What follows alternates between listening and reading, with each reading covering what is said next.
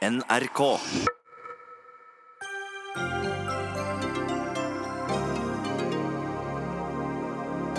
Indianerdrakt på hvit kvinne er ikke greit, men hva med rastafari-fletter på arabisk kvinne eller tribal-tatovering på kinesisk mann?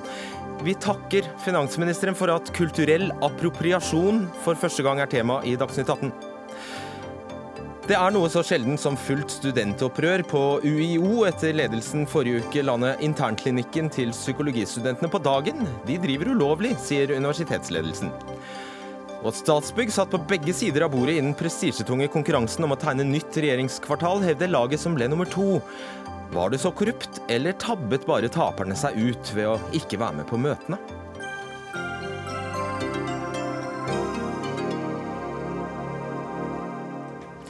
Da ønsker vi vel møtt til Dagsnytt 18. Jeg heter Fredrik Solvang.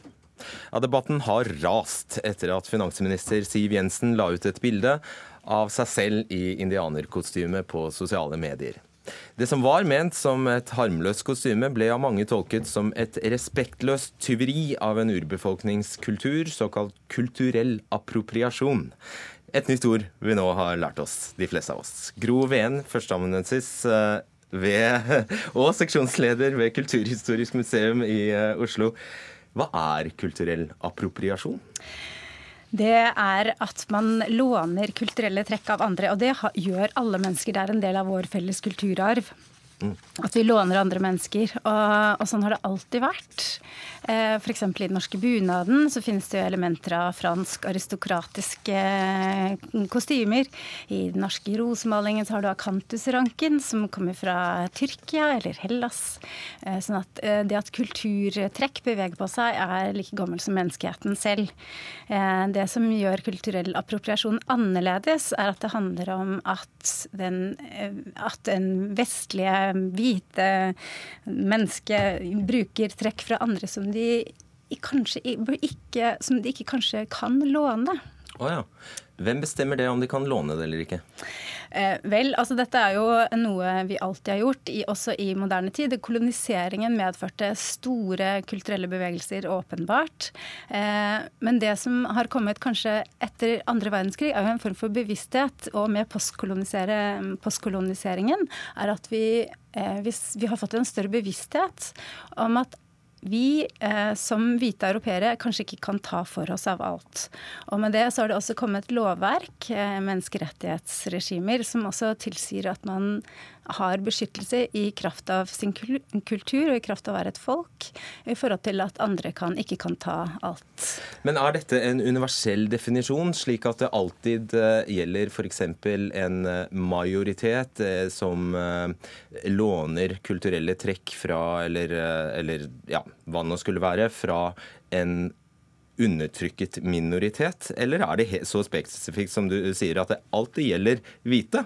Og brune. Nei da, det har du selvfølgelig helt rett i. At det, det, gjelder majoriteter og minoriteter. Det er en mye riktigere definisjon. Men det brukes selvfølgelig oftest i den sammenhengen at det er hvite som låner noe fra andre. Eh, ja, altså hvite er jo ofte en majoritet. Så sånn sett så er jo det et generelt poeng. At det handler om hvem som har makten, og hvem som kontrollerer. Og hvem som setter seg selv i en posisjon hvor det oppfattes som naturlig å ta hva man vil. Mm. Men man kan vel forestille seg, la oss si at en eh, Er det like problematisk, la oss si at eh, det er en eh, hvit chilener som bestemmer seg for å kle seg ut som en tibetaner? Ville de hatt noe med, Har det noe å si om de har hatt noe med hverandre å gjøre i det hele tatt? Altså, det blir en veldig um, Jeg syns det blir en veldig kunstig problemstilling. Altså det, altså, det, er jo mange Mye av det som vi kaller kulturell appropriasjon, kan jo også handle om vennlighet og nysgjerrighet. F.eks. hippiebevegelsen lånte jo masse hele tiden. altså De hadde fjærpynt og drømmefangere. De prøvde, de prøvde hallusinogener, og de de tok del i sweat lodge og andre ritualer og følte at de på en måte var ett med dette folket som, eller de, disse menneskene som de kopierte. Uh, og, og, og, det må man vel kunne si at var med en stor entusiasme og vennligsinnet interesse. Men allikevel så, så, så, handler det om å, å, få anledning til å ikke bare uh, at noen bare tar, men at du mm. også får anledning til å bli spurt om du ønsker å dele. Nettopp. Som, men da er det gitt også at den som definerer når det er, når det er snakk om kulturell, kulturell appropriasjon, det er den som uh, føler seg berøvet. Ja, ikke sant? Og Dette med indianerkostyme syns jeg er et kjempegodt eksempel. Fordi det er en så stor del av, vår, alle, alle vår barndom. Altså Alle har vi gått rundt i indianerkostymer og lekt cowboy-indianere. Og det er noe som har fjernet seg så mye i vår forståelse fra den indianske virkeligheten som vi ser i USA eller i Canada. Så det er klart at eh, eh, det er nok veldig få som vil føle at det skulle være noe problem for eh, First Nations eller amerikanske natives. Eh, men allikevel så må man jo på en måte se på hva eh, hva dette betyr. Det betyr at du har en, en, en appropriasjon som er totalt naturliggjort. Ingen... Hva betyr appropriasjon i det hele tatt? Jeg skjønner ikke ja, det, Appropriasjon betyr at man tar noe, rett og slett. Ah, ja. okay. Appropriation fra appropriation, engelsk. Ja, nettopp. Der har vi det. har det er det noen forskjell på altså, uh, jeg var innom det i sted, men Gjelder denne regelen universelt, sånn at alle skjønner at det vil være lite fintfølende å kle seg ut som indianer uh, i Amerika? Nettopp. Men er regelen universell, sånn at eh, det gjelder for alle på jorda, om de kler seg, alle hvite på jorda, om de kler seg ut som indianere ja, Nå kommer du tilbake til det du spurte om i stad, og jeg vet ikke om det, men jeg på en måte syns at det er en riktig problemstilling. Det jeg syns er interessant, Nei, er hva vi, kan, eh, hva vi, kan, lære barna våre i denne situasjonen. Da, ikke sant? Um, fordi uh, det er et veldig fint case. På internett nå så har du en kampanje som heter Not Your Costume, som er en hashtag på Instagram. Og når man ser på den, så er, er det man forsøker å, å, vise fram, er jo på en måte dette for oss som er de hvite, som har fått lov til å ta hva vi har villet i all tid, så handler dette om å måtte lære på nytt igjen hvordan man skal oppføre seg mot andre. Og lære på nytt igjen at eh, vi må ha respekt for andres kulturer, og at vi ikke kan bare ta hva vi vil. Unlearning. Mm. Takk for innføringen. Uh, Inga Ragnhild Holst, du er journalist og blogger i uh, Borte best. Altså, Du forteller at du har, uh, du har reist mye, ikke sant? Du har, og du har altså kjøpt sarong. Du har gjort det vi alle har gjort. Du har kjøpt deg sarong. Du har fletta håret ditt i, i cornrows, og du, er, du, har fått deg rød prikk i panna osv. Hva lærte du av det? Jeg har vært i 45 land ca. på jobb, og har ikke, vil ikke si at det er en feil. Eh, jeg har handlet sari, jeg har handlet saronger. Jeg har ikke flettet håret. Ah, men eh, jeg har kjøpt mange andre ting. altså Ting som jeg syns er, er, fine, og som jeg har glede av, og som jeg bruker hjemme hver eneste dag. Tunisiske tepper og kinesiske silkebluser som, som, jeg bruker fortsatt, og som jeg er veldig glad i, fordi jeg syns det er vakre ting. Og det syns jeg vi skal få lov til å gjøre. Mm. Det, det, koser jeg meg med. Og det tror jeg alle mennesker gjør. Sånn lærer man. Mm. Camille Charles, du er lærer og eh, blogger. Grunnleggende så mener du vel antagelig at kulturell appropriasjon er, er et problem. Det eh, Inga Ragnhild Holst her eh, beskriver, er det et problem? Um, det at man reiser rundt og får forskjellige inntrykk, er det ikke noe problem med. Um, jeg vil bare si for det første at ordet indianer må vekk fra vår ja, dagligtale. Fordi det, det, er helt feil å bruke. Si Urbefolkning, native americans, det er et ord som de selv ikke bruker. Men native americans er jo engelsk. Det er jo for å ikke bruke et engelsk ord at jeg sier det. Urbefolkning, da. Ja, men det er flere urbefolkninger i Amerika.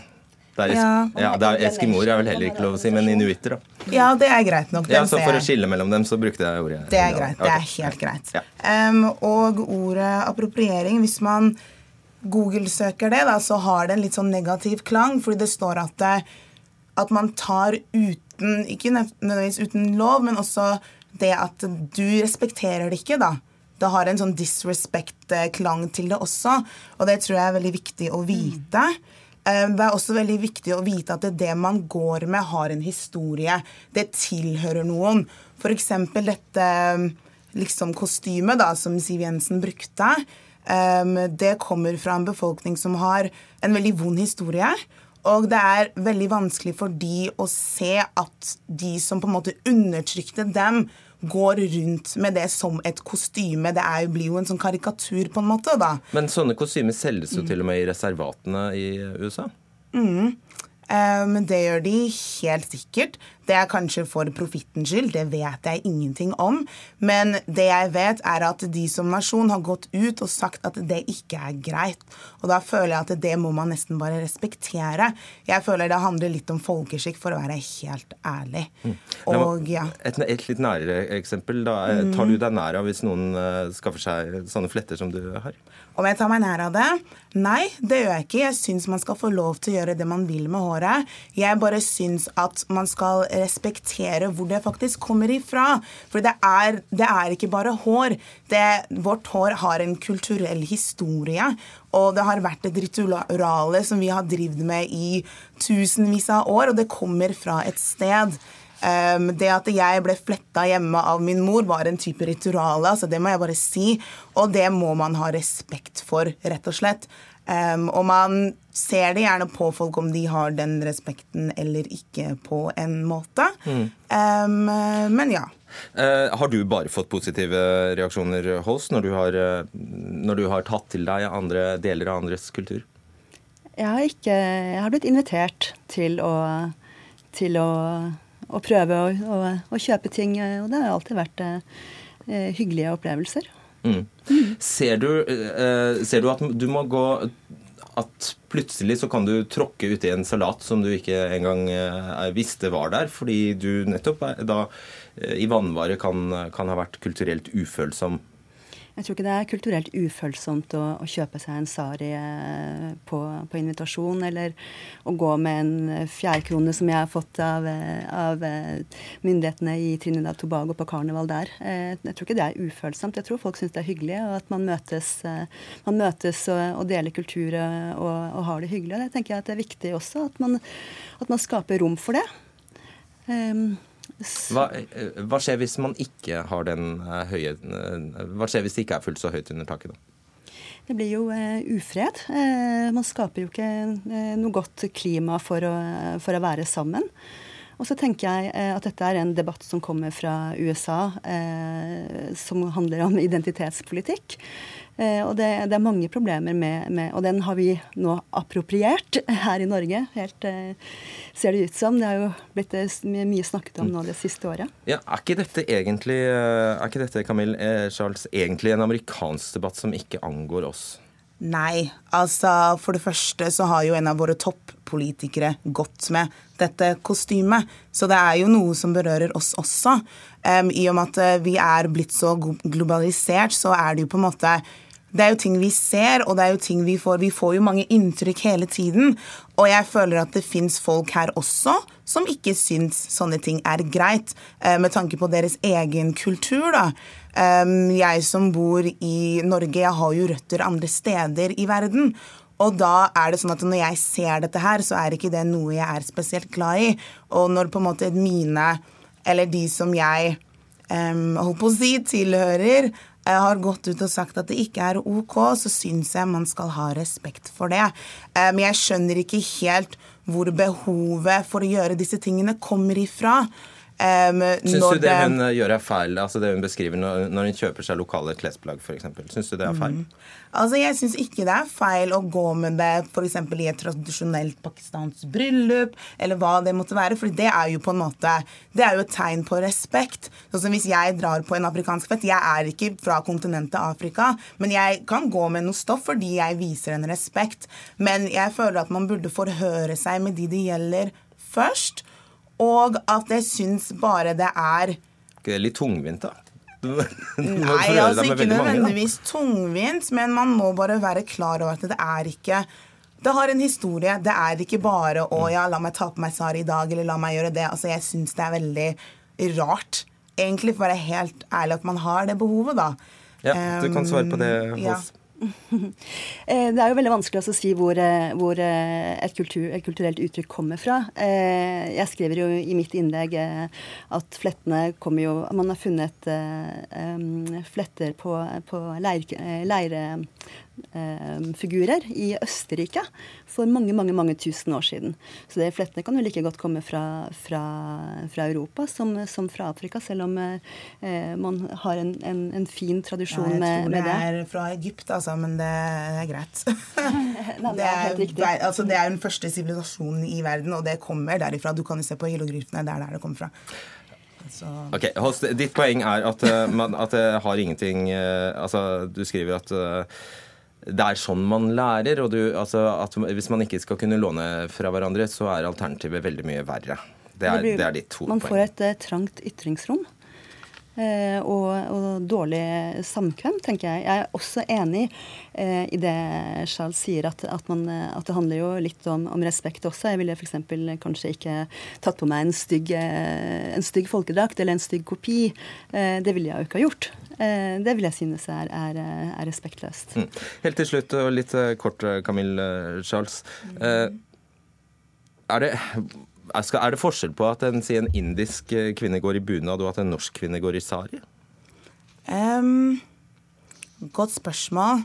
Jeg vil si at at på en måte du har jo folk med indiske aner da, som er født her og oppvokst i Norge. Det at de går i bunad, det er ikke De er jo veldig klar over at bunaden er norsk, fordi den er jo norsk. Det er ingen som kan si at den ikke er norsk. Da er det jo nordmenn som har definisjonsmakten over bunaden. Men du hadde reagert hvis noen hadde nektet en indisk kvinne å gå med bunad? Ja, det hadde, det hadde du reagert på? Ja, det hadde jeg mm. reagert på, fordi da er jo personen mest sannsynlig født og oppvokst her og viser respekt på 17. mai, som er grunnlovsdagen til Norge, f.eks. Um, Men da må den norske med... kvinnen få gå i sari òg, da? Ikke nødvendigvis. Altså, jeg føler at dette her med makt også er en, en, faktor her. Fordi at for det første så må de liksom minoritetene få lov til å ha den definisjonsmakten sjøl. Og jeg føler også at, at på en måte makten ligger hos de som har visse fordeler i samfunnet. Og det tror jeg vi alle må være klar over. Du er veldig privilegert hvis du får lov til å komme hit og si at ja, men jeg vil bruke kofte, eller ja, men jeg vil bruke sari. Det har du på en måte du har makten til å kunne si det. Jeg har ikke den samme makten som deg. Jeg kan ikke. Noe jeg gjør, vil ikke ha den samme påvirkningen, da. For å si det sånn. Og jeg føler at people of color er jo egentlig majoritet på verdensbasis. I verden. ja, ikke sant? Så ja, det er det jeg kan si om, uh, om det. Du, vi må sette strek der, men det var uh, takk for en interessant runde. Inga Ragnhild Holst, Camille Charles og Gro Ven. Dagsnytt 18 alle hverdager kl 18.00 på NRK P2 og NRK2. For samene er ikke denne problemstillingen og debatten ny. Og samiske representanter var da også blant de første som først syntes det var sjokkerende å se Siv Jensen i indianerkostyme. Samekofta er ikke et kostyme, er du ikke same, skal du ikke kle deg ut som et folk som har vært undertrykket og latterliggjort gjennom århundrer, sa Kristina Henriksen, medlem av Samerådet og tidligere sametingsrepresentant til NRK. Problem nummer én. Når du ikler deg et sånn her kostyme, så reduserer du de her menneskene sin kultur til en ussel stereotypi. Problem to. Når jeg pynter meg med min kofte, er det fordi det er det fineste jeg har. Og da ser kofta brukt som et kostyme på denne måten, kjennes både respektløst og ondt. Problem tre. Når noen kler seg ut som sexy Pocahontas, så er det et hån mot de urfolkskvinner som har vært utsatt for seksualisert vold, som har blitt myrda, eller som familien kanskje ikke vet hvor er. Og ikke minst så viderefører det seksualiseringa av urfolkskvinner. Problem fire. Vi er levende mennesker, ikke noe antikk, eksotisk eller forsvunnet kultur. Når man bruker sånne her kostymer, så er det med på å redusere vår kultur til noe som ikke lenger eksisterer. Problem fem. Ikke prøv å viske ut århundrer med undertrykkelse og overgrep. Men urfolk over hele verden bærer på en smertefull historie med undertrykking, latterliggjøring og til og med folkemord. Ola Gunnar Ballo, fastlege i Loppa, tidligere stortingsrepresentant for SV, nå Arbeiderpartimedlem. Aller først, for ordens skyld, er du selv samisk? Eh, så langt jeg kunne finne ut, så er jeg ikke det. Men jeg har jo sagt at min familie kom fra Øvertornet og i Sverige og reiste til kysten og ble til fjordfolk. Familien Keskitalo dro til Kautokeino og ble til urfolk. Sånn at bakgrunnen kan jo ha vært akkurat den samme. Alright. Er du enig med Kristina Henriksen? Jeg syns at vi nå må være kommet så langt i Norge at vi erkjenner at vi lever i et flerkulturelt samfunn, og at denne overfølsomheten med hensyn på at noen skal kunne gjøre akkurat hva de vil. Jo, og andre skal befinne seg på et kryploft der du omtrent ikke skal kunne Altså Noe så uskyldig som at Siv Jensen klær seg i en drakt og ser ut som Sølvpilen, alle norske gutters drøm, og så skal det bli uthengt som om hun er ute etter å ta en annen kultur, utvikler seg jo til en absurditet. Ja, det er eh, for så vidt uh, Hvis vi bare kan legge Siv Jensen til side her et stykke. Altså innholdet i det Kristina Henriksen, uansett hva som avstedkom det, da. Uh, innholdet i det hun sier, kan du vel umulig eller er du uenig i, i det? For jo, fordi at, at jeg syns at diskrimineringskortet dras altfor fort opp. Altså okay. David Kosta satt jo i en setesdalsbunad da han ble dømt for Nokas-ranet. Skal jeg, fordi jeg kanskje kunne ha et forhold til den kofta, reagere i raseri fordi han da får en veldig lang dom? Fordi at han da bringer meg ned i søla? Jeg syns det blir ganske absurd. Altså, vi må akseptere i et flerkulturelt samfunn at kulturelle uttrykk både brukes av av andre enn dem som til daglig har hatt noe med den kulturen å gjøre. Sånn vil det være. Mm. Sånn er motene. Men vi må også akseptere at det tidvis drives harselas med alle kulturer. Karen, Helene, Hel Karen Helene Partapoli, daglig leder i Utviklingsfondet og tidligere leder i Antirasistisk Senter. Du er her som privatperson, eh, bl.a. fordi du er innskrevet i samemanntallet. Og navnet ditt er samisk. Hva betyr det? Det betyr halvskjegg. Det er et halvskjegg, det var vakkert. Ja, det er flott. du, hvem er samer? Ja, Det er jo selvfølgelig et uh, veldig vanskelig spørsmål. Men uh, det er jo noen definisjoner inni sammantallet, At du skal ha én uh, besteforeldre, eller kanskje til og med oldeforeldre, som, som, snakker samisk, har snakket samisk. Og så får du et spørsmål om du føler deg samisk. Men, men det er klart én ting er manntallet. Noe annet som er enda viktigere, er jo den samiske identiteten. Men Eh, så det på en måte hvem som er same, det blir jo et eh, litt personlig spørsmål. Men så er det det som ikke er et Da blir det veldig et, vanskelig for oss andre å forholde det, oss til det, hvis det, det er et helt personlig spørsmål. Det gjør det. Men uh, for enkeltpersonen er det jo et, et, personlig spørsmål. Men det som er viktig, det er at uh, den samiske befolkningen i Norge, det er Norges urbefolkning.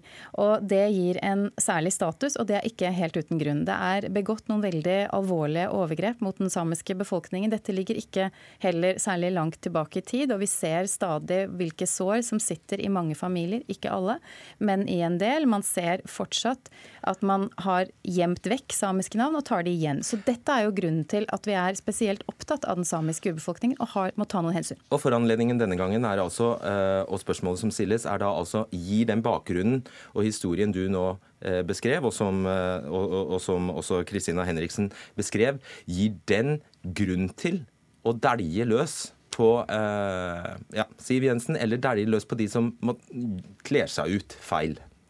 Egentlig så tenker jeg at det som Siv Jensen gjorde, det er ikke det som faktisk er den største krenkelsen i denne saken. Jeg vil si at reaksjonen til majoritetsbefolkningen når den norske urbefolkningen reagerer og forteller hvorfor det er viktig å ha respekt for da eh, kofta og for den samiske kulturen, som faktisk har vært ulovlig i mange sammenhenger, og som mange har problemer med å ta til seg igjen.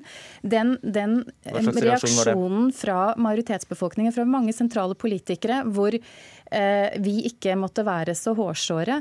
Og at det er, det er, egentlig det som jeg har reagert mest på i denne debatten. Hvor lite forståelse det er for hva urbefolkningen er. Og da syns jeg nesten at de beviser litt at eh, det samiske er litt grann sånn en halloweendrakt. Og, og jeg syns ikke man tar det på alvor. Det har vel du også sett i Facebook-feeden din, Ballum? Mm. Jeg vil si at den, det som det virkelig er grunn til å diskutere i dag, er jo det prinsipielt betenkelige at vi i Norge med utgangspunkt i rase har skapt spesielle rettigheter, sånn at man skaper skille i en befolkning. Der deler av befolkninga får en betydelig større innflytelse over politiske beslutninger enn resten av befolkninga. Og da definert til det å være same.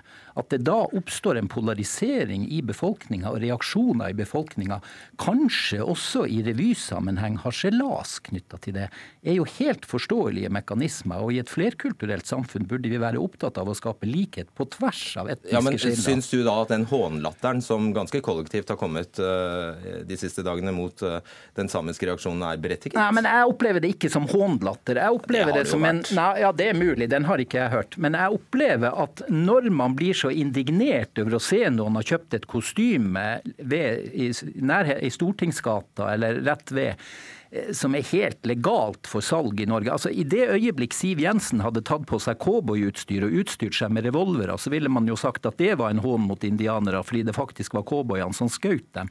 Det blir på en måte galt uansett. Det er jo kanskje bare å kunne ha kledd seg ut som Donald Trump fra Ville Vesten. Helga Pedersen, vi skal bare ha med deg. Også. Du er tidligere nestleder i eh, Arbeiderpartiet. Eh, mange har jo ropt opp om krenkelseshysteri her, også i ditt eh, eget eh, parti. Hvis en majoritetsnordmann kler på seg samekofte med gode hensikter, hvorfor skulle det være feil? Nei, jeg tenker at Hvis Siv Jensen hadde tatt på seg et ekte eh, urfolksantrekk fra Amerika i møte med urfolket i Amerika, så ville det ha vært en veldig veldig eh, flott eh, gest.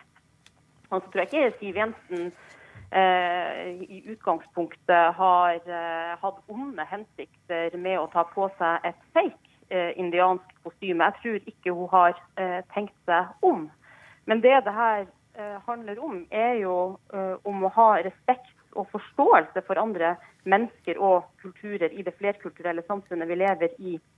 Og I Norge er det jo veldig strenge rammer for hvordan du skal kunne bruke en bunad. Og jeg tror det hadde vakt reaksjoner i Norge hvis et regjeringsmedlem i et annet europeisk land f.eks. hadde kledd seg ut i bunad på Men da vil jeg bare utfordre deg. Ja, det, det har du sikkert rett i, Helga Pedersen. Da vil jeg utfordre deg på én ting. På Senter for nordlige folks hjemmesider står det at du kan bruke kofte hvis du har samisk tilknytning. Og tilknytning defineres her som at du har én eller flere samiske foreldre eller besteforeldre, at man er gift med en same, eller at man har funnet ut at man har samiske røtter. Ellers kan man bære kofte hvis man har fått den i gave. Og ellers kan du det ikke. Altså, Dette er jo det Dette er ganske rasistisk. Ja, for, for Nei, men dette er ganske, Helga, ja, vent, vent litt, Ballo. Dette er ganske rasistisk, Pedersen. Uh, altså, jeg, jeg, Min mann som er født og oppvokst på havet Ja, han er gift inn.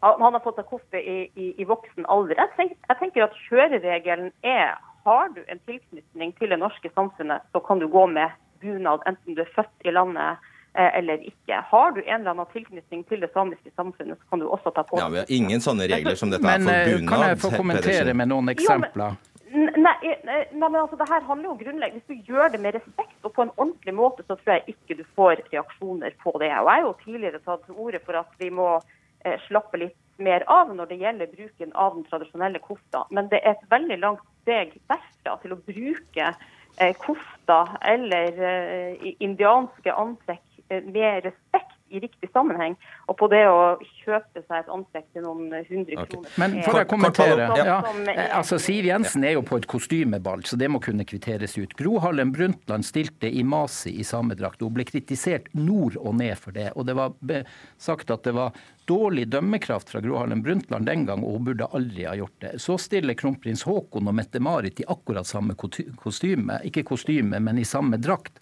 og får da honnør fordi de viser forståelse for den samme kulturen. Og det er klart at Jeg, jeg syns det er bra at Helga Pedersen sier at hun mener det bør skje en oppmykning, men det er klart at de her kodene er ikke lett å lese, og det er utrolig fort gjort å trø feil. Og vi må ikke bli så intolerante i forhold til andre enn dem som kommer fra den kulturen, at det omtrent ikke er rom for oss å kunne etter beste skjønn prøve å komme noen i møte. Ok, Torge, vi har, ja, okay, Vil du svare veldig kort? Ja, jeg vil gjerne svare på det. For Hvis Siv Jensen hadde møtt opp på Sametinget i en ekte kofte, så tror jeg det hadde blitt veldig positivt mottatt. I hvert fall ville jeg ha ønska det velkommen. Men hvis Siv Jensen, tenk om Siv Jensen på det her eh, karnevalet hadde kledd seg uten same i en juksekofte sydd i Kina. Jeg tror faktisk også Olav Gunnar Ballo ville ha reagert eh, da. Jo, det ville jeg gjort, men det er annerledes enn det hun gjør. Det, ja, hun det, gjorde jo ikke ja. det, nettopp. Det er ikke annerledes, for det hun har gjort, er å ta indianernes aller, aller flotteste drakt og gjort det om til et karnevalsantrekk. Men hva skulle hun kunne ta da, Helga? Ja, men det ville ikke vært riktig. Hva, hva kunne hun ha kledd seg i? Ja, det er jo tusen ting du kan kle deg ut som på en utkledningsfest. Og det når statssekretæren i Finansdepartementet sammenligner det å kle seg ut som indianer med å kle seg ut som sjørøver ja, ok. Jeg kniper dere der. Eh, er, men de er inne på noe her. Dette er fryktelig eh, Det er, det, det er komplisert. altså Det blir, blir jo etter hvert veldig komplisert å knekke disse kodene. fordi ja, men Samer selger f.eks. Eh, sameeffekter, skaller og, og skinn. Men så er altså kofte det er helt no go. Altså, eh, Burde man ikke feie for egen dør først? og Det samme, samme gjelder altså disse eh, indianerkostymene. Selges i reservatene i, i, Amerika. Burde man ikke feie for egen dør? Altså, kan man forvente at det er eh, opp til alle å forstå hvor hvilke grenser som gjelder her? Partipoli? Nei, og Kulturell utveksling er jo en positiv ting. Og det å låne uttrykk fra hverandre osv. Dette er, det er ganske viktig, og det er noe som, som, vi har gjort hele tiden og fortsetter å gjøre. I mennesker vandrer og flytter på oss, og vi lærer av hverandre. Så det må på en måte ikke forveksles med kulturell utveksling. Og det å også kunne ta noen gode og vakre ting fra en kultur. Men eh, det er sånn at når en urbefolkning i et land, den samiske urbefolkningen i Norge, peker på at dette kan være problematisk, så er det viktig at majoritetsbefolkningen lytter. Det er viktig at man lytter på hva er det egent, man egentlig sier. Det man snakker om, det er at samisk språk har vært nesten Altså en god del av de samiske språkene fins ikke lenger. Det er vanskelig å få opplæring i samisk språk. Dette handler om rettigheter, det handler om å kunne vise kultur. Og så er det personlig veldig viktig. Jeg har en far som er 82 år. Han bruker han brukte samekofte for første gang 17. mai i år, eh, når han var 82 eh, år. Han ville ikke gjøre det før det, fordi at dette var så skambelagt. Så dette betyr veldig mye for folk. Og da er det ikke klare grenser hvor man går, men at man er nødt til å ta det alvorlig når minoriteten sier ifra. Torgeir Skorgen, du er også med oss. Du er førsteamanuensis ved Universitetet i Bergen, og du har skrevet boka 'Rasenes oppfinnelse i sin tid'. Som forsker, La oss være helt konkret. Hva syns du om at samene legger ned et slags forbud da egentlig mot at andre kan gå i kofte? Ja, det, det, er jo uh, to problemer. Uh, for det første så opererer han med sånn absolutt skille mellom norske samer som, én gruppe, og så har du ikke-samiske ikke nordmenn som en annen gruppe. Da. Eh, for det første så, så finnes det jo flere ulike samiske uh, grupper i Norge. Vi har, vi har sjøsamer, vi har uh, skoltesamer, vi, vi har sørsamer osv. Uh, og den norske ikke-samiske befolkninga er jo også en, en blanda og sammensatt befolkning. Og Det er jo, det er jo typisk for den måten vi danner oss identiteter på i, i vårt globaliserte samfunn. altså identiteter er sammensatte og, og, de er flytende. Så Problemet med den type debatter er jo at en begynner å, på en måte, å, å reprodusere kolonitidas eh, gamle kategorisering av mennesker i etniske eller rasemessige grupper. Da vi har hvite her og svarte her og gule der og røde der osv. I virkeligheten så, så skjer det jo eh, både en kulturell og etnisk Uh, blanding av, uh, av, menneskegrupper i dag. Ik ikke minst som følge av, av uh, folkevandring. Migrasjoner. Men man vet vel om man er same eller ikke, stort sett? Ikke alltid. Jeg kan gi dere... Nei, jeg vet ikke alltid, men stort sett. Jeg skal gi dere et godt eksempel. Den norske billedkunstneren Sverre Malling oppdaga i godt voksen alder at han hadde en samisk morfar. Og Etter å ha gjort den oppdagelsen, så gjorde han det nomadiske til et viktig motiv i billedkunsten sin. Mm.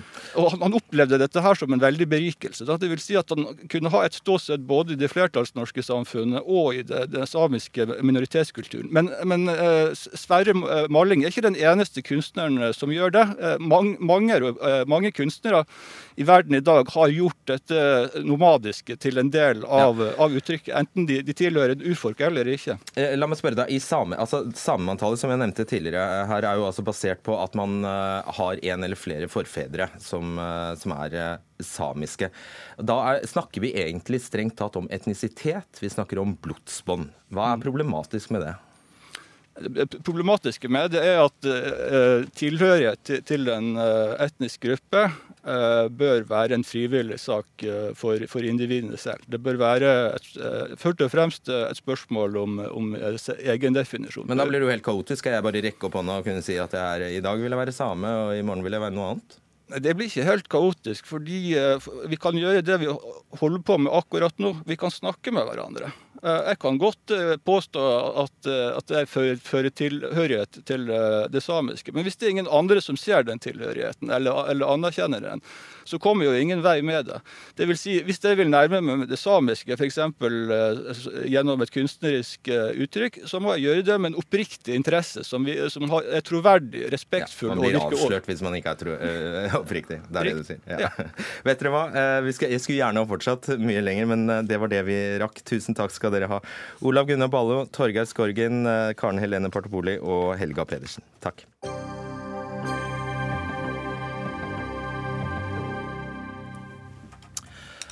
For da er det sånn at eh, den krigsherjede byen Raqqa i eh, Syria, der har nå alle krigerne fra terrorgruppa IS forlatt eh, byen, ifølge eksilgruppa Syrian Observatory for Human Rights. De langvarige kampene om byen skal ha kostet minst 3250 liv.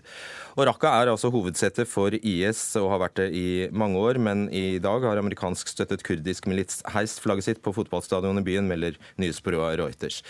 Kristin Solberg, du er Midtøsten-korrespondent her i NRK. Hvilken betydning har dette at Raqqa har falt? Ja, Det har en svært stor betydning. IS har jo mistet nå sin selverklærte hovedstad i sitt selverklærte eh, kalifat. Slik at det er svært, svært symboltungt eh, både å ta det og å miste Raqqa. I tillegg så har det vært eh, strategisk. Byen har vært et sted hvor lederskapet til IS lenge har vært. Det har vært sentrum for operasjonene til IS i Syria. Det har vært derfra hvor de har styrt det de har kalt sin stat. Og det har også vært et sted hvor de har eh, planlagt eh, terrorangrep eh, i utlandet, bl.a. terrorangrep i Paris og i eh, Brussel. slik det er svært svært betydningsfullt. Det er ingen andre byer som IS har, har kontrollert som kan sammenlignes med Raqqa i betydning, med unntak av Mosul i Irak, som de også har, har mistet. Hva er dette marerittet over nå? da? Hva er IS nå? Når ikke, nå er de i hvert fall ikke en stat? Ja, det kommer jo et tidspunkt hvor de har mistet såpass mye av det området de kontrollerer, at de selv overfor sine egne støttespillere ikke lenger kan kalle seg selv en stat. Eh, men selv om de har mistet mye territorium her i Midtøsten, så betyr ikke det at problemet IS er eh, over. De har vist gjennom sin levetid at de er eh, svært effektive til å endre karakter i takt med realitetene på bakken. Det har de gjort mange ganger i løpet av sin levetid. Og det kan de komme til å gjøre igjen. Eh, fra å være en selverklært stat til å bli eh, mer en opprørsgruppe med terror som virkemiddel. Og vi ser allerede eh, tegn til det i IS sin egen kommunikasjon, at det er det som er fokuset deres nå. Også da på terrorangrep i Vesten. Tine Gade, du er seniorforsker ved Norsk utenrikspolitisk institutt og har vært i kontakt med personer i Raqqa i dag. Hva forteller de? Hvordan ser det ut der? Uh, nei, de er veldig fortvilet, selvfølgelig. De sier at det er ikke noe igjen av Raqqa som by. Uh, fordi hvis man, Det står også i mediene at uh, byen vil være ubeboelig i flere år fremover. Og det er jo selvfølgelig veldig viktig nå, som, som Raqqa og andre områder er frigjort fra IS, at sivilbefolkningen vil oppleve en endring og en forbedring i levekårene sine, for at ikke frustrasjonen til visse grupper Eh, kan kunne bli utnyttet av IS senere. Og at man ønsker seg IS tilbake, omtrent? Uh, ja, f.eks. Eller at andre radikale grupper kan vokse frem. Mm. Hva er det som da skjer nå når områdene der IS har hatt sete, slås tilbake etter etter etter, etter, etter, etter? Um, nei, Spørsmålet er jo hvem som vil kontrollere disse områdene. Dette er allerede fremdeles ganske uklart. For SDF, som har den kurdiske dominerte gruppene som har overtatt uh, kontrollen over Raqqa, uh, er militært meget strategiske, men politisk så har de tendens til å delegere um, kontrollen til andre lokale, hovedsakelig arabiske grupperinger. Men det som er viktig her, og som vi også så i Manbij at var et problem, Eh, Manbij som ble frigjort eh, i fjor eh, fra IS, er at det er ikke alltid de mest legitime representantene for befolkningen som blir valgt ut til å styre. Mm. Og Bashar al-Assad, hvordan, hvilken posisjon er han nå i? Nei, Det er jo klart at han er sterkere enn han har vært på veldig lenge, så han har all grunn til å være fornøyd. Og det ser absolutt ut til at han kommer til å sitte. Samtidig så ser vi at det blir veldig spennende å se samhandlingen mellom de kurdiske gruppene nå i Syria og sentralmakten i Damaskus. Takk for den oppdateringen om Raqqa og IS, Tine Kade, og takk også til deg, Kristin Solberg.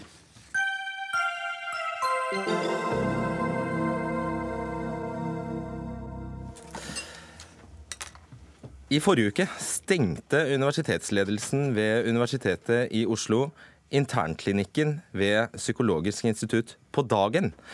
Det skjedde etter 42 års drift. Både studenter og ansatte er i fullt opprør over vedtaket, og i dag kom en rapport hvor den samme klinikken får kraftig kritikk for å ha drevet ulovlig. faktisk. I forrige uke bestemte universitetsledelsen også at klinikken nå skal overflyttes og overføres eh, til Helse Sør-Øst, må det jo være da. Det står ja. Eh, nei, overflyttes og videreføres av Helse Sør-Øst. Og at dette har ført til kraftige reaksjoner fra ansatte og studenter, som nå frykter for praksisen og utdanningen. Siri Gullestad, professor i klinisk psykologi og klinikkleder ved Psykologisk institutt ved Universitetet i Oslo. Vi må få en oversikt først. Eh, hvordan har denne internklinikken ved Psykologisk institutt fungert, eh, egentlig? Mm -hmm. Det første jeg har lyst til å si, er at det er ingen som har eh, bestridt at innholdet i selve behandlingene som studentene våre driver, er forsvarlig. Og til dels er det blitt sagt at det er jo en høy kvalitet som både pasientene er veldig fornøyd med det tilbudet, og studentene med dette som et opplæringstilbud. Eh, og det er en internklinikk, det er en studentklinikk med opplæring som hovedformål. Og innen det, der vi, vi, det, liker å kalle det et laboratorium for opplæring i psykologisk behandling. Og det er, eh, det er et spørsmål her nå som har vært reist, som du sa, om det skal overføres og integreres i spesialisthelsetjenesten.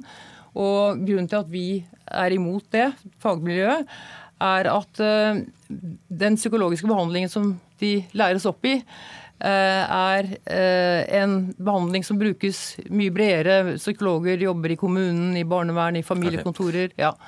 Så ja. Ja. Mm. Ser, eh, heller, jeg regner med du heller ikke bestrider at det er drevet ulovlig? Ja, ulovlig er jo et sterkt ord, men vi det ser det. det. Vi ser at ja. det er eh, nå altså, Det er, har vært forsvarlig i forhold til innholdet i studentbehandlingen. Men forsvarlighet i dag er også et systemansvar. Og det er rutiner som vi har fått påpekt brudd på her, La... som vi beklager. Og det er et økt rapporteringskrav og skriftliggjøring av prosedyrer La oss gjøre et forsøk på å forstå hva, hva slags avvik vi, ja. vi, snakker om her. Per Morten Sandeseth, du er viserektor for forskning og innovasjon ved Universitetet i Oslo. Hva slags lovbrudd er det snakk om?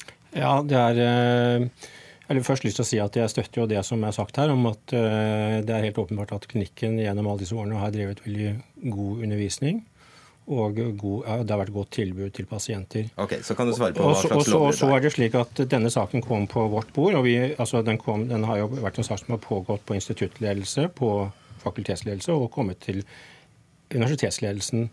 Og Det vi fikk høre, var at, at det var eh, ting der som, som kanskje ikke var i samsvar med de systemkrav vi har i dag. Og f.eks. at studenter eh, drev ja, Men Nå er det en rapport som ja, foreligger. Det er ikke ja. bare noe dere har fått høre, men nå ligger, foreligger en rapport. Så da spør jeg hvilke lovbrudd. Og Det vi har gjort, er å få en, en vurdering. Og, vi har fått, og det rapporten fra eh, eksterne, eh, eksternt advokatfirma viser at det er avvik i forhold til syv lover og forskrifter. Mm. Hva handler det om? Ja, Det viktigste det er, en, det er prinsippet om en forsvarlig organisering. Eh, F.eks. dette med eh, at eh, det skal være en veileder til stede når en student driver behandling. Mm. Og f.eks. det å vite når, hvor timer når de, når de, er satt opp, og hvor de finner sted. Det er et, et så er det mangelfulle styringssystemer. Og det er også noe knyttet til eh, personvernlovgivning, som eh, har med f.eks. Eh, journaler og datahåndtering å gjøre. Du får det til å høres såpass knusktørt ut at jeg tror jeg skal sitere fra rapporten. Vi anser det som særlig bekymringsfullt at terapitimer har forekommet uten at veileder har vært tilgjengelig i umiddelbar nærhet. Vi viser til at det under behandling kan ha oppstått akutte kriser som nødvendiggjør bistand fra kvalifisert personell. Ja, det, det, og... ja, jeg kan kommentere det, hvis du ønsker det. Ja. ja. altså dette, Det ordinære er at uh, pasienttimer er i arbeidstiden, og det er tilgjengelige veiledere. Eh, uh, av og til så Dette er gjenstand for skjønn. Hvis det er, det, Våre pasienter er veldig strengt selektert. Det er ikke voldsrisiko, ikke suicidrisiko Men det er ekte, det er ekte pasienter? Det er ekte pasienter, ja. men de, det er problemer ikke av alvorlig Når det gjelder alvorlig psykopatologi, så henviser vi dem til spesialisthelsetjenesten. Hvis det er suicidrisiko, risiko for psykotisk sammenbrudd, risiko for utagering, vold osv. Så, videre.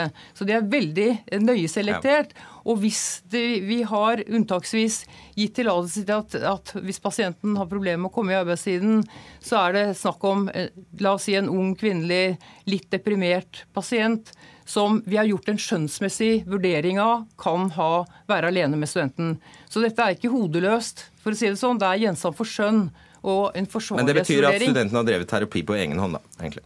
Ja, men det gjør de jo hele tiden. Det gjør de i spesialisthelsetjenesten også. De sitter på egne kontorer. Dette er jo en, en, problematikk som er mye bredere hvis man går inn i det, for å si det sånn. Oh, ja, er det enda verre ting? Fortell. Nei, men det er, eh, det er en forsvarlighetsvurdering eh, i hver, i hver, enkelt situasjon i forhold til virksomhetens art, i forhold til hva de skal utøve. Men det jeg har lyst til å si, er at det er, altså, det er tilsyn i Norge hver eneste dag. Det er vanlig at man ender ut med en sjekkliste på en del punkter, sånn som her i og for seg, mm. at, uh, som man får beskjed om å utbedre, og, og, så kommer man tilbake etter en måned, og så må man uh, se om det er utbedret. Men det er ikke vanlig, Men det er ikke vanlig å stenge. så Nei, det, er ikke vanlig. Er, ja. det har, så vidt jeg vet, nesten ikke forekommet. Jeg mener, Det var en skandale på Bærum sykehus med grove avvik, men virksomheten ble ikke stengt. ikke sant? Sånn at vi syns det er den, altså det er en jeg sitter med ansvar for pasientbehandling. Og det er også en forsvarlighet. ikke sant? Men du er uenig i at det skal legges ned? Jeg er uenig, ja. ja. Altså, mm. det er, det jeg synes at det er en, altså, Reaksjonen, nemlig stengning, er uproporsjonal, uproporsjonal. i forhold til ja. arten av bekymring. Fordi dette er ting vi Vi beklager det. det skulle... Hva er begrunnelsen, egentlig? Begrunnelsen var eh, rett og slett at vi fikk eh, opp forhold eller, eh, som vi ikke kunne vite, dokumentere eller vite riktigheten av, men som var så alvorlige at vi følte vi ikke kunne videreføre driften sånn som det var. Ta et, et eksempel. Dette med at studenten er alene. OK, altså det er gjort en forsvarlighetsvurdering. Men, men sett nå at det skjer noe alvorlig med en student som, er, som opererer alene, uten veileder til stede i kontor ved siden av eller i nærhet.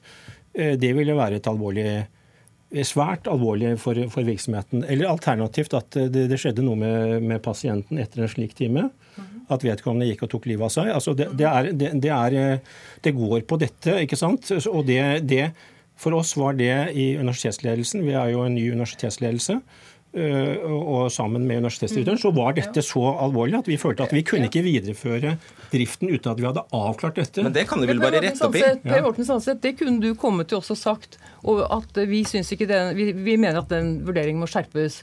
Da vil jo, det, kan du endre, det har jo ikke vært noen hendelse. Vi ville jo da endret det fra en dag til en annen. Isteden så stenges det. Altså Vi kunne utbedret dette hvis vi hadde fått beskjed fra deg om at det, du vurderer at det må skjerpes, det kravet der. Så ville vi sagt det, da gjør vi det.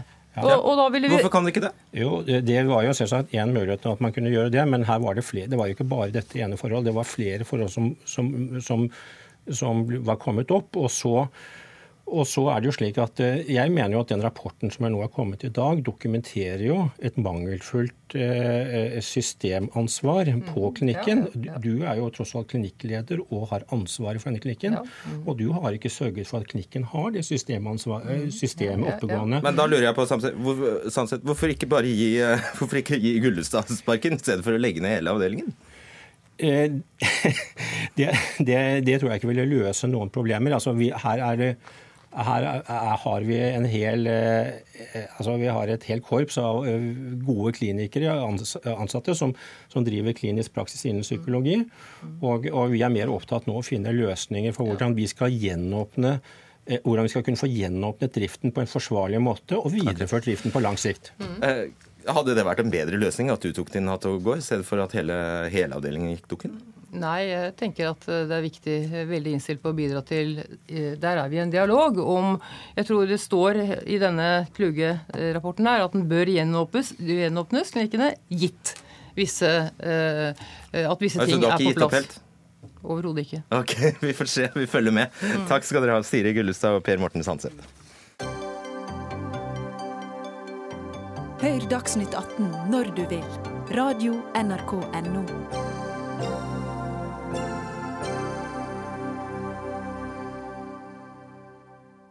Nok en gang skaper det planlagte regjeringskvartalet overskrifter, for selv om det er kåret en vinner i arkitektkonkurransen, krever nå laget som ble nummer to i konkurransen, omkamp. I går leverte nemlig Team G8 pluss en formell klage på det de mener er urettferdig behandling, etter at de tapte mot Team Urbis. Arkitekt fra LPO Arkitekter og talsmann for eh, Team G8 pluss, som da kom på andreplass i denne konkurransen, Lars Haukeland. Eh, hvilke fordeler fikk vinnerlaget, helt konkret? Vinnerlaget fikk eh, fordeler som det ikke lot seg utligne. Eh, okay. Og det, har, det plikter, plikter, man etter loven. De var faktisk med å forankre uh, hovedgrepet sammen med jurymedlemmene og andre i Statsbygg i 2015. det skjønner ikke vi hva betyr. Hva forankra hovedgrepet, hva betyr det? De bestemte rett og slett hvordan eh, hovedgrepet i hele regjeringskvartalet skulle eh, være i 2015. Og det var det vinnerteamet vant på. De ble de enige om Eh, ble de enige om hvordan vinnerutkastet skulle se ut på kammerset i 2015? Ja. Hvor var dere da? Da var eh, vi ikke Da hadde Tim Urbis sine arkitekter reguleringsoppdraget. Og, og jobbet tett med Statsbygg. Og reguleringsoppdraget det er også. Det er å bestemme liksom hvordan disse bygningene skal se ut i byen som volumer. Aha, jeg tror jeg skjønner altså, Om det skal være en bygning der, eller om det skal ja. være noen åpen plass og der. Og denne ja. reguleringsplanen lå jo til grunn for også arkitektkonkurransen vi har vært med på. Men de opplysningene som uh, er fra 2015, de fikk ingen av konkurrentene greie på. Det kjente bare hvordan foregikk denne forankringen som du satt i inne på et møterom? Satt de, satte de seg ned og kokte i hop dette her? Innsynet viser at eh, det bl.a. har vært to todagers workshops. Aha. Hvor disse folkene har sittet sammen og forankret hovedprinsippene. Visste dere om de workshopene? Nei, selvfølgelig ikke. Det, det er jo grunnen til at vi klager. At dette er kommet for dagen når vi ba om innsyn. Og det er, det er jo veldig sjelden vi klager. Og vi syns liksom dette er ganske uh, skremmende og egentlig veldig skuffende fra en aktør som Statsbygg. Statsbygg har takket nei til å komme, men du er her. Alexandria eh, Algar, du er president i Norske arkitekters landsforbund, og dere representerer for så vidt både vinnere og tapere i dette prosjektet. Men dere kaller dere altså vaktbikkjer i denne prosessen. Dette er jo helt spektakulært. Hvis halvparten er sant, så er det jo en skandale. Ja, ja det, det, kan man si. Eh, Norske arkitekters landsforbund eh, er en fagidel medlemsorganisasjon for arkitekter. Og med vår eh, konkurranseavdeling eh, besitter landets fremste kompetanse når det gjelder rådgivning og gjennomføring av ulike former for arkitektkonkurranser. Ja, Vi har litt dårlig tid, så vi kan ikke ta eh, hele Ja, eh, men der fikk, du, der fikk vi sagt det. Og Du er enig i at hvis det, hvis det Haukeland sier her, så mm. er det en skandale? ja, det, det ville være ganske nært en skandale. Ja. Har det skjedd? Eh, det må vi jo se på. Nå har jo eh, G8 pluss-teamet levert inn en klage som må vurderes av jurister. Dette har på en måte vokst seg okay. utenfor det som er det arkitektfaglige. Dere har godkjent konkurransen og oppnevnt jurymedlemmer. Hvilke forundersøkelser gjorde dere av disse? Eh, de to jurymedlemmene som ble oppnevnt av NAL, det er ikke de to som har blitt eh, utpekt som eh, at de kan være inhabile. NAL har i en tidligere del av denne prosessen påpekt overfor Statsbygg et mulig problem med inhabilitet. Eh, som Statsbygg har svart ut, sjekka med sine jurister og svart ut at eh, det mener de innenfor regelverket. Og så er jo regelverket sånn at Og da bare aksepterte dere det, eller? Ja, altså eh, en arkitektorganisasjon som går i klinsj med jurister i Statsbygg, det, det ville være underlig. Vi, vi har påpekt Men det. Men dere tenkt... spør egentlig en anklaget part stemmer dette. Den anklagede part svarer nei, og dere bare OK. Nei, men dette, var, dette, er jo et år eller to tilbake i tid hvor man har påpekt at her kan det være et, eh, et eh, spørsmål om inhabilitet. Eh, og Statsbygg har sjekka det ut, og de har redegjort for at dette er ikke et Hva problem. Hva syns du om akkurat det? Nei, jeg, jeg syns jo hele, hele, den greia er veldig skremmende. Det er viktig at en jury er fullstendig habil. Burde de ha oppdaget dette i 2015? De burde forsikret seg også NHL, i og med at de er garantist for det, at dette foregikk ordentlig, og at det var fullstendig habilitet. Dette, man burde nok lukta at her kunne i hvert fall Statsbygg ha problemer med å stokke beina, for å si det litt folkelig. En saksopplysning. Det, de to personene du egentlig fremmer disse veldig alvorlige påstandene eller anklagene mot, er altså juryleder Synnøve Lysand Sandberg og jurymedlem Ragnar Bovim fra Statsbygg. Det er de du hevder satt i workshop med Eh, vinner, eh, vinnergruppa. Med vinnergruppa. Og dermed er dundrende inhabile og egentlig hadde bestemt seg kunne tilpasse, tilpasse vinner, eh, ja, vinneren. Ja, det betyr i hvert fall at annemyndigheten må, må ha vært veldig svak. Hmm. Robert Myhre, du er advokat i DLA Piper med hovedvekt på offentlige anskaffelser, og du har også vært sekretariatsleder i Klagenemnda for offentlige anskaffelser. Hvordan ser denne saken ut fra ditt ståsted? Nei, Foreløpig så har man jo bare klagers versjon eh, av hva som har foregått å forholde seg til. Nå er det i utgangspunktet slik at det at en eh, har vært med på en sånn reguleringsplanprosess eh, i seg selv ikke er nok til å gjøre at noen blir inhabile i en senere plan- designkonkurranse. Så det må jo på en måte være noe ekstraordinært i så fall som skulle få den betydningen.